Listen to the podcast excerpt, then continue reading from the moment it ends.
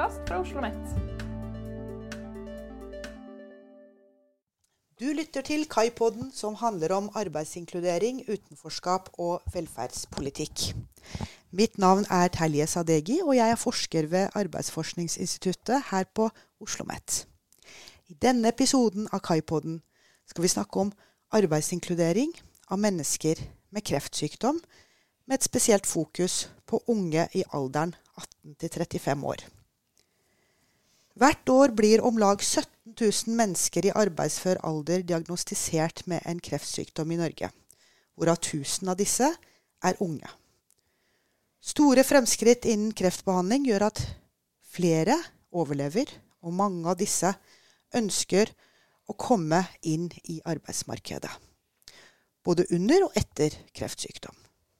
Men likevel står flere utenfor arbeid. Forskning viser bl.a. at de har om lag 40% større sannsynlighet for å bli arbeidsledige enn befolkningen for øvrig. Dette utenforskapet kan ha store konsekvenser både for den enkelte og for samfunnet. Det årlige produksjonstapet anslås å være om lag 36 milliarder kroner. Vi spør er kreft forenlig med arbeid? Hva er barrierene for at unge med kreftsykdom deltar i arbeidslivet, og hva skal til for å få flere i eller tilbake til arbeid?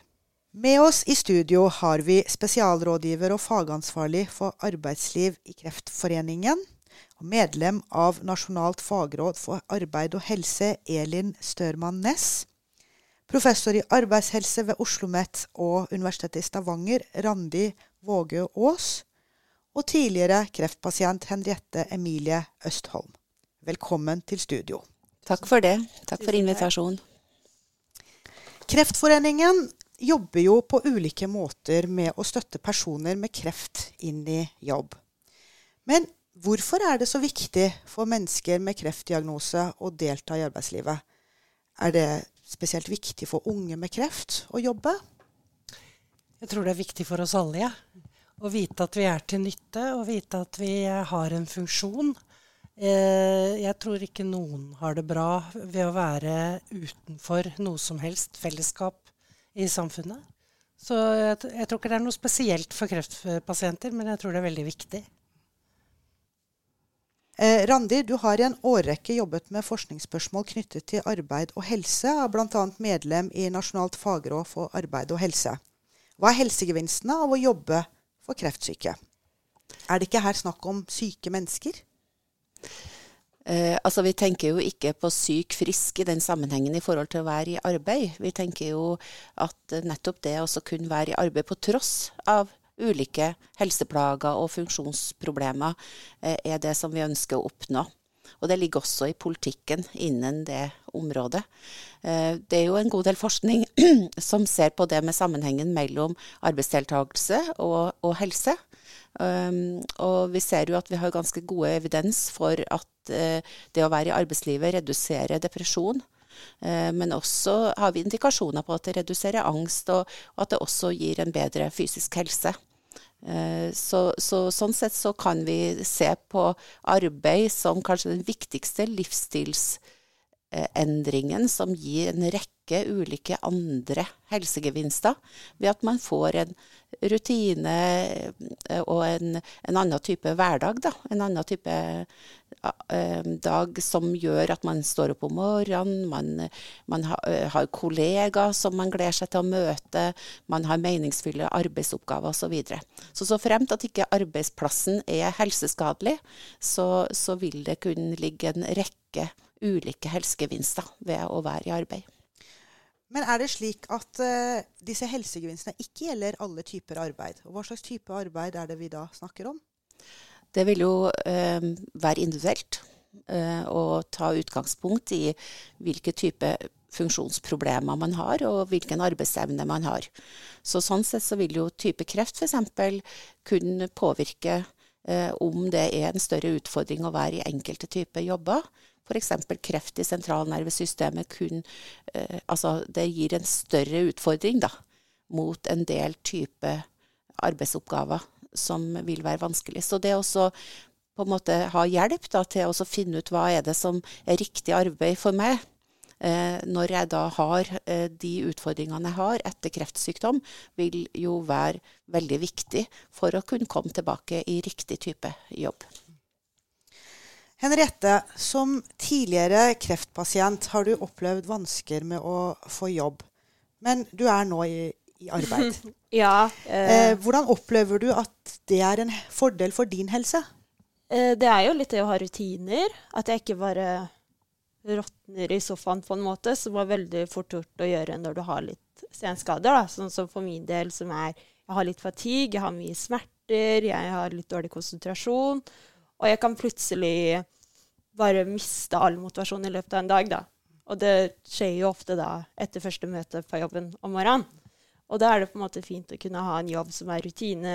Jeg må stå opp, jeg må legge meg tidlig, jeg må huske på at jeg skal spise. Det er lunsj på jobben, så jeg får i meg mat. Jeg er sosial, så jeg slipper å bare være inni mitt eget hode og egen kropp hele tiden, egentlig. Så for meg så er det veldig viktig hovedsakelig for rutiner å føle at jeg bidrar til noe, da, ikke bare sitte hjemme og se på Netflix. Men er det spesielt viktig at unge eh, får lov til å eh, komme i arbeid? Ja, det vil jeg si. Fordi at uh, unge som uh, blir på en måte gitt opp, eller gir opp, jeg ser jo for et, seg et liv som eh, mottaker av en stønad helt til de går av med pensjon. Og rest, de, blir, de blir minstepensjonister, da satt det litt på spissen, hele livet. Er det er det ålreit? Kan vi som samfunn sitte og se på det?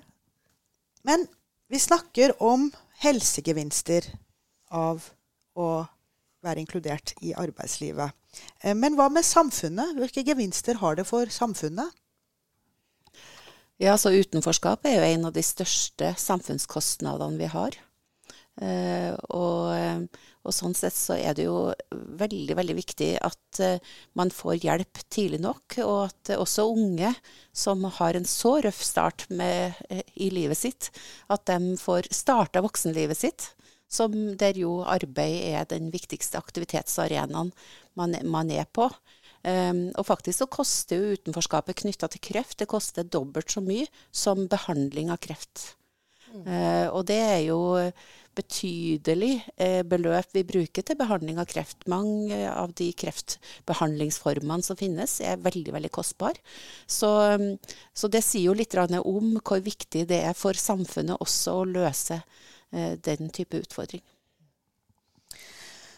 Så er det disse unge kreftrammede eh, kreftoverlevere. Um, hva slags ønsker er det de har? Nå har vi jo hørt med Henriette at hun ønsket å komme i jobb. Men eh, vet vi noe mer allment om eh, denne målgruppen? Om deres ønsker? Vi vet såpass mye at vi har et uh, stort prosjekt som lanseres neste uke sammen med Ungkreft, som heter 'Sjukt lyst på jobb'. Det sier det meste. Ja, unge har behov for å eh, føle at de har et liv som har mening. Vi, kan ikke ekskludere eh, mennesker fordi vi er redd for det ukjente. Og ja, de har tilleggs, en tilleggskompetanse, de som har eh, snakket med oss. Vi har jo hatt masse intervjuer med unge kreftpasienter og overlevere eh, til, det, til Sjukelys på jobb. Og det er jo det å bidra. Det er jo det å komme i jobb, være med, være en del, er en av de som teller. Men kan, eh, kan, kreft også gjøre noe med arbeidsmotivasjon? Altså de vanskene man går gjennom eh, mm. med symptomer av mm. kreft og behandling. Eh, kan det også gjøre noe med ønsket om å stå i jobb i det hele tatt? Ja. Jeg tror veldig mange som har en vanlig, fin CV, eh, går fort videre fra jobb til jobb. En som har kjempet seg tilbake igjen og inn i arbeidslivet, har et utrolig stort behov, viser det seg, for å bevise at de er så, eh, de, har den kompetansen og kan gjøre den jobben. De blir faktisk veldig lojale medarbeidere. Så er det jo slik at det er flere aktører som har ulike roller eh, i det å støtte opp under eh, arbeidsdeltakelse. Eh, så lurer jeg litt på hvilken tilnærming er det helsetjenesten har til kreft og arbeidsdeltakelse. Randi, du har jo også selv egne erfaringer eh, med å få en kreftdiagnose, og har, eh, har sett dette på nært hold, hvordan det fungerer. Kan du fortelle litt om det? Ja, det, det, har jeg jo. Sånn som beste praksis i forhold til det med, med behandling når man har komplekse eh, helseproblemer er jo en biopsykososial tilnærming. Eh, Hva er en biopsykososial tilnærming? Ja, og, og, og det en biologisk tilnærming vil jo være f.eks. medikamenter, eh, kirurgi osv. En biomedisinsk, sier vi veldig ofte. Eh, og en psykologisk tilnærming vil jo ta, ivareta sant, det som Eh, har med hvordan man føler seg, hvordan man tenker om situasjonen, hvordan man kan stå i det. Og, og, en sosial tilnærming handler jo om alt rundt arbeidsplassen, den konteksten man står i, familien, hvordan det påvirker eh, pårørende osv. Så, så så sånn sett så opplevde vel jeg, når jeg da fikk kreft, at uh, vi har en slagside mot en biomedisinsk tilnærming. Og det er jo naturlig at vi har fullt trøkk på Eh, et eh, på en måte behandlingstilbud eh, når man får en sykdom som potensielt kan ta livet av det. Så, så det er jo et veldig viktig utgangspunkt. Men i internasjonal forskning så anbefales det veldig sterkt at det med arbeid, og skole også, da, at det er tema helt fra dag én. Og Sånn er det jo ikke i dag. For i pakkeforløpene for kreft, vi har over 30 pakkeforløp, så står det ingenting om det med arbeid.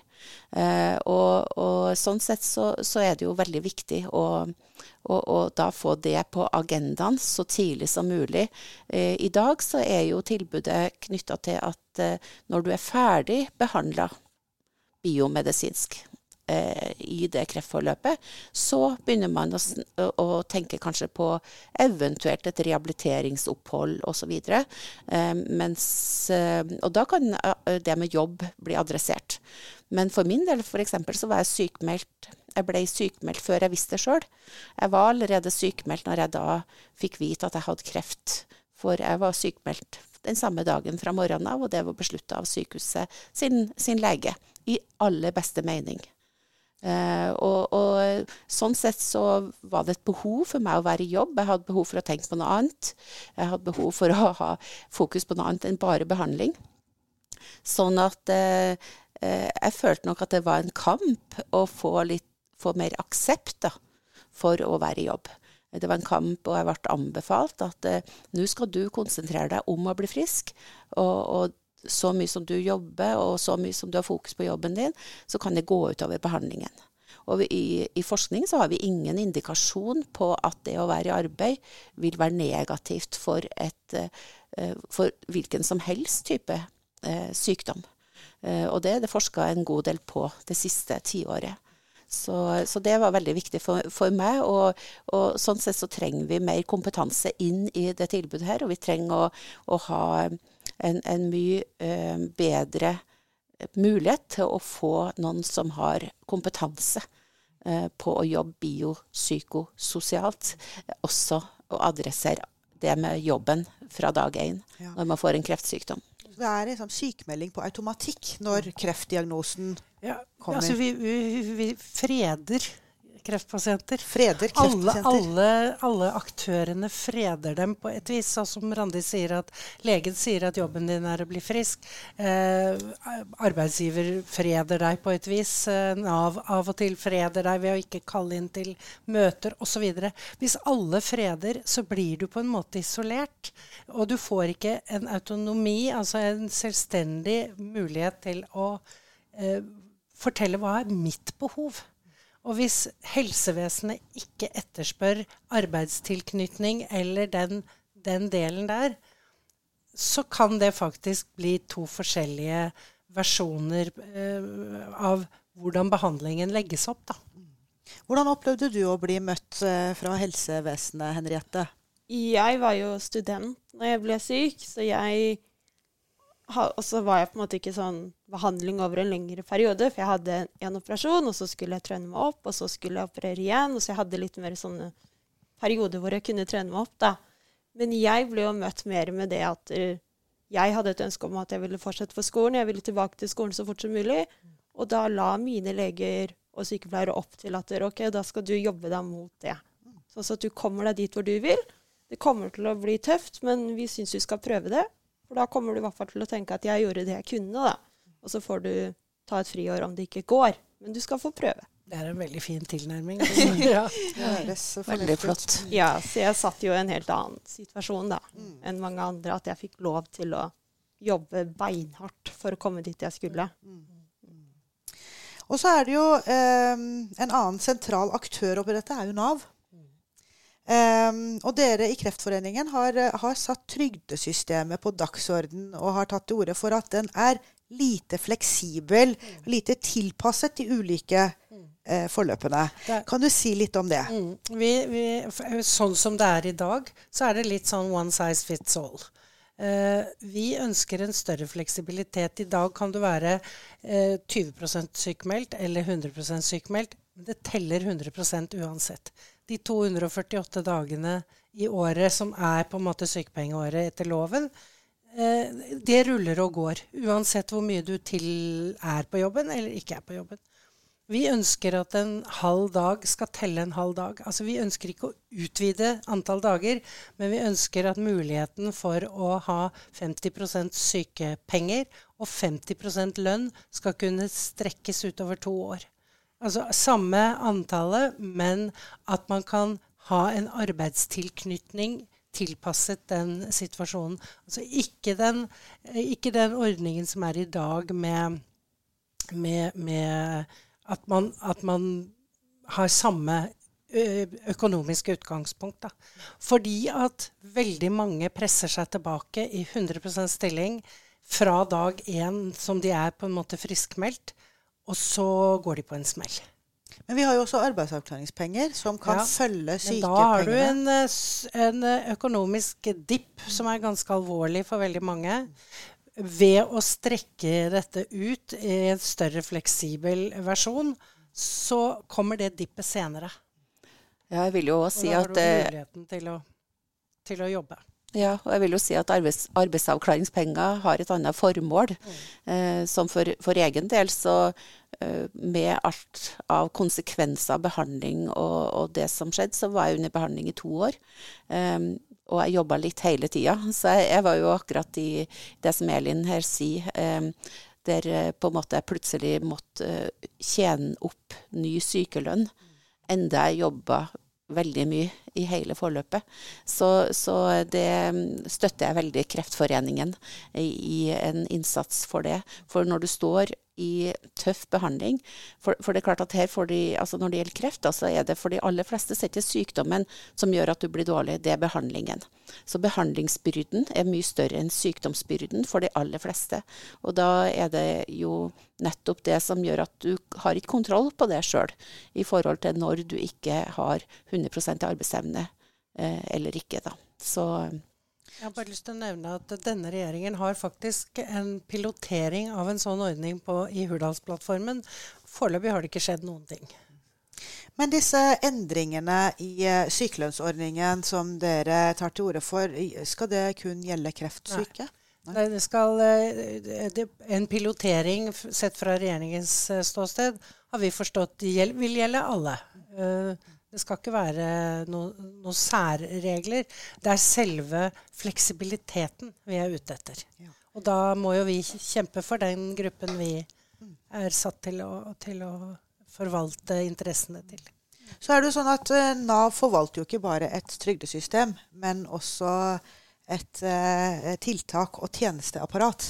Uh, Randi, dette har du forsket en del på. Det, har vi noe kunnskap om hva som kan fungere godt som tiltak for den målgruppen vi snakker om? Ja, altså vi, vi vet jo at uh, det er ofte tre komponenter som trengs for å få hjelp med arbeidsdeltakelse. Det ene er jo et mer personretta tiltak, og da vet vi jo at f.eks. fysisk aktivitet eh, også har mye betydning i forhold til å forebygge eh, tilbakefall av kreftsykdommen. Men det betyr også mye helsemessig for å klare å stå i et tøft behandlingsregime. Ehm, så har vi også da kognitiv atferdsterapi, som vi vet også er virkningsfullt og retta mot personen. Eh, så har vi det som er arbeidsretta tiltak, som er den andre komponenten. Der trengs det da en kvalifisert utredning der man ser på sammenhengen mellom både helsetilstand, funksjonsnivået og arbeidsevnen opp mot da de kravene akkurat den jobben stiller, og de forutsetningene som ligger i arbeidsmiljøet. F.eks. sosial støtte vet vi er kjempeviktig i forhold til både leder og, og, og kollega, eh, men også at arbeidsplassen er tilrettelagt på en god måte. Den tredje komponenten er koordinering. Fordi at vi har tre som yter tiltak til personer som står utenfor jobb, og det er jo Nav, helsetjenesten, og så er det arbeidsplassen sjøl. Eh, og vi trenger koordinering på tvers av de. Vi har funnet det i våre studier, at man koordinerer sine egne tiltak. Altså Nav koordinerer sitt, helsetjenesten koordinerer sitt osv. Mens det som er effektiv koordinering, det er mellom de tre tiltaksarenaene. Så, så det er de tre beste praksis internasjonalt, som er støtta opp under mange tiårs med forskning, viser at de tre tingene bør være på plass, og minst to av dem bør være der for at det skal ha effekt for å oppnå arbeidsdeltakelse. Riktig. Og en, eh, en tredje veldig sentral aktør her er jo arbeidsgiverne. De er jo portvoktere inn til eh, arbeid. Um, Elin, dere har uh, tilrettelagt en del undersøkelser rundt holdninger og praksiser hos arbeidsgivere. Kan du si litt om hva vi vet om uh, hvordan arbeidsgivere tenker rundt dette her med å ansette unge Eh, kreftoverlevere eller unge med kreftsykdom? Ja, og det er, det, vi, det er, jo det vi, forsøker nå å få virkelig belyst i det Sjukt lyst på jobb-prosjektet, ved at de unge altså, CV-ene deres skal reflektere det de faktisk kan. Eh, og at vi skal på en måte kunne trygge arbeidsgivere på at eh, det ukjente er ikke nødvendigvis eh, så skummelt. Eh, det å ansette en med kreft på CV-en, sier vi. Ikke, vi bruker ikke ordet hull i CV-en. Det er litt sånn tilbakelent og, og, og, negativt. Men rett og slett eh, kreft på CV. De har vært gjennom en prosess som har gitt kompetanse på mange områder. Stress, krisehåndtering eh, osv. Og, så og kan faktisk være til nytte for en arbeidsgiver, også den kompetansen de har. Men Er arbeidsgivere usikre? Er de skeptiske? Usikre, de er litt sånn hva, hva, hva hvis de får tilbakefall? Hva skjer når de skal kontroll. Og så tenker jeg at vi alle Det var det jeg var litt inne på i sted. Alle trenger vi jo tilrettelegging på et eller annet vis. Er det så skummelt å tilrettelegge for en som har eh, noen ekstra behov? enn det var for oss alle sammen når vi måtte ha hev-senk-pult eller egen eh, tastatur eller eh, hjemmekontor under kor... Altså, det, det, alle, nesten alle i arbeidslivet har en eller annen form for tilrettelegging, hvis vi tenker oss om. Henriette, du har jo valgt å være åpen ja. eh, om din kreftsykdom i forbindelse med jobbsøk. Ja. Eh, kan du fortelle litt om, om, hvordan du har opplevd det å være åpen om det i den prosessen? Eh, jeg har jo over en lengre periode prøvd å komme inn i jobb. da. Ganske lang periode. Vært på masse intervjuer. Så jeg har jo da testa litt forskjellig for å se hva som funker. Eh, og jeg kan jo si at når jeg skrev spesifikt at jeg hadde hatt kreft, at det var grunn til en pause og manglende erfaring, så ble jeg mest sannsynlig ikke kalt inn. Men hvis jeg bare skrev sykdom, så ble jeg kalt inn. Og så pleide jeg da å se an praten på selve intervjuene til dem jeg var hos, om det var på en måte litt sånn avslappa stemning til at man kan på en måte si noe som mennesker reagerer så sterkt på hvis du sier til noen. Det er veldig rart å liksom bare Jo, forresten, jeg hadde kreft, skjønner du. De fleste stopper opp, og så sporer ting litt av. Så jeg pleide på en måte å se an litt. Og så hvis jeg syns at ja, men de her ser ut som de kan fortsette i samme sporet, så sa jeg det. Og hvis ikke, så lot jeg være, da. Men eh, jeg fikk jo ingen jobb på en måte med å si at jeg har kreft. Nei. Det gjør jeg ikke.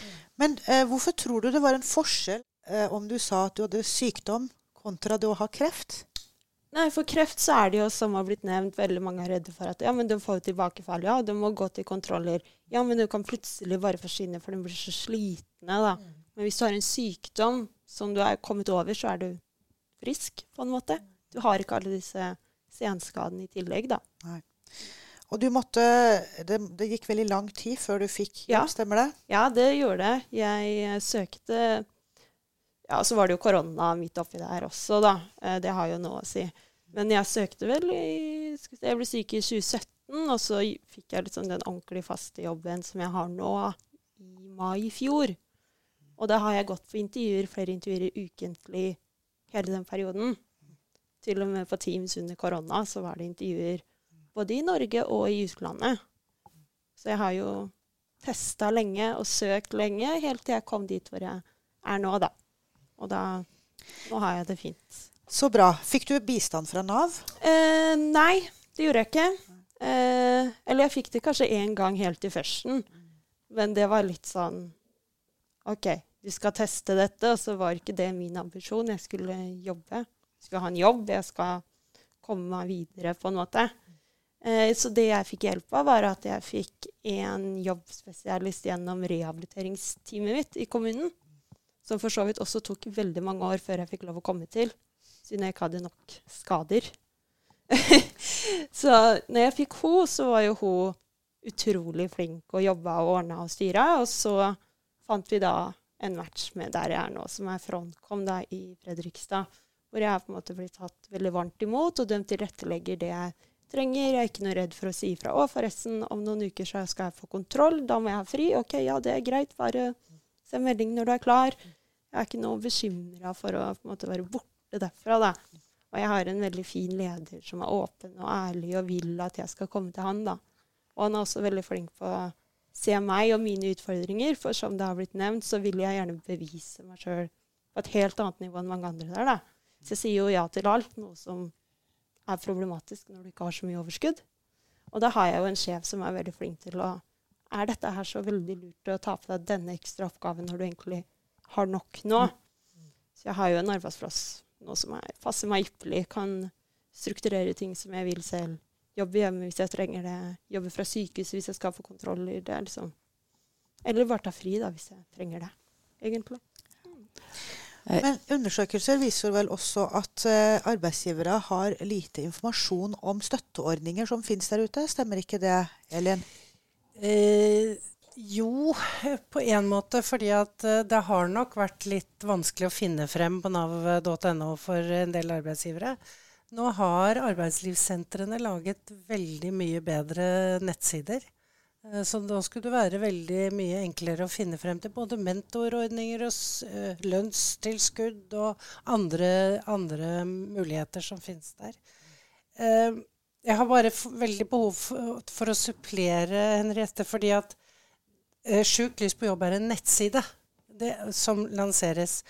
Og der vil det med å være jobbsøker altså Skal du være åpen på CV-en, eller skal du ikke være det?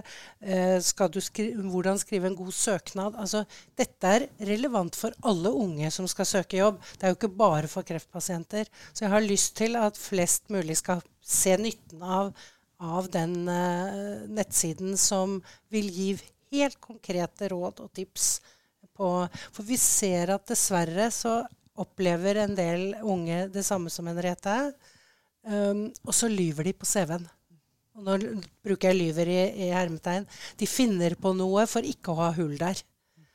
Og det tenker jeg er veldig uheldig å begynne et uh, arbeidsforhold med å ikke ha helt uh, korrekt CV. Men nå snakket du Henriette, litt om tilrettelegging du får på arbeidsplassen, som du er godt fornøyd med. Eh, men vet vi noe mer om de typiske tilretteleggingsbehovene som mange kreftsyke har? Veldig mange har behov for eh, tilrettelegging i forhold til noe som heter fatigue, som er en ekstrem utmattelse som du ikke blir bedre av å hvile av, eh, eller for. Um, jeg hadde en telefon for mange år siden av en, en sjef som sa min ansatt har fått fatigue, hva kan jeg gjøre for å hjelpe? Og vi diskuterte litt flere eh, løsninger. Og så spurte jeg til slutt men har dere en sofa på jobben. Og er det så enkelt, sa han. Ja, men da tar jeg bare lenger lunsj. Ikke sant? Altså, det lar seg ordne hvis man, hvis man eh, vil. Ma mangfold er jo ikke bare noe man krysser av på et eh, skjema når man eh, skal ansette folk. Det er jo en reell Vi er forskjellige alle sammen. Men hva skal til da for at uh, arbeidsgiveres usikkerhet kan reduseres, og at uh, de i større grad ansetter personer med kreft? Informasjon. Informasjon. Informasjon, Og trygge dem på at det ikke er så skummelt som noen vil ha det til. Ja, jeg tenker også i tillegg til det, så tenker jeg òg at det at man får kvalifisert hjelp til, til å gjøre en, en, funksjonsvurdering og få en oversikt over hvilke barrierer er det faktisk eh, man opplever knytta til det å være i jobb. Og vi har jo en del helsebarrierer. Så har vi en del behandlingsbyrdebarrierer, sånn som fatigue kan også være det. Altså at du har fatigue pga. at du står på, på, noen medikamenter som gjør at du blir veldig sliten. Um, og Sånn sett så har vi også da deltakelsesbarrierer. Så dette trengs å kartlegges og utredes av noen som har kompetanse på, eh, på arbeidsplassvurdering. Sånn at man får en oversikt over hva er det nå som, som butter mest. Da vet vi først hva er det som kan være god tilrettelegging av arbeidsoppgavene, av arbeidstida, av eh, det fysiske og sosiale og holdningsmessige miljøet rundt eh, arbeidstakeren. Um, og jeg tenker jo for min del så hadde jeg et veldig stort behov for tilrettelegging i mange faser. Og jeg har jo tenkt mange ganger på enn om jeg Altså, jeg fikk kreftsykdom i 50-årene. Jeg tenkte mange ganger enn om jeg hadde vært barn eller ungdom eller ung voksen. Hvor tøft eh, det måtte ha vært. Eh, og de besitter jo en fantastisk kompetanse. Så jeg syns det er så fint at Kreftforeningen er opptatt av den tilleggskompetansen man har når man har vært igjennom en kreftsykdom. Eh, og jeg tenker å appellere til arbeidsgivere om å, å få dra nytte av en sånn type kompetanse. For, for dette er ikke for pysa. Det skal jeg love etter min egen erfaring. Og det er vel ingen andre enn dem som opplevde det sjøl, og dem som står tettest rundt, som skjønner hvor tøft det kan være å være gjennom et, eh, både sykdommen, men eh, også ikke minst av behandlingsprosessen eh, når det gjelder kreft. Vi må jo snart runde av, men avslutningsvis så har jeg Vi har jo snakket om flere aktører her som har ulike roller i det å bistå mennesker ut i arbeid. Eh, oppsummering, en kort oppsummering. Hva må til for at flere med kreft kommer i arbeid? Mot hos arbeidsgiverne. Tørre å se kompetansen og helheten. Vi er, vi er, hele mennesker. Vi er så mye mer enn vår diagnose. Jeg er egentlig helt enig i det. Du må se helheten. For ja, jeg har kanskje ikke nok erfaring alltid, men uh, jeg er veldig god i stressende situasjoner, og når det er krise, der er jeg kjempegod. Mm. Eh, det viktige tenker jeg, er at man ikke står alene med de utfordringene man har knytta til utdanning og, og arbeidsdeltakelse.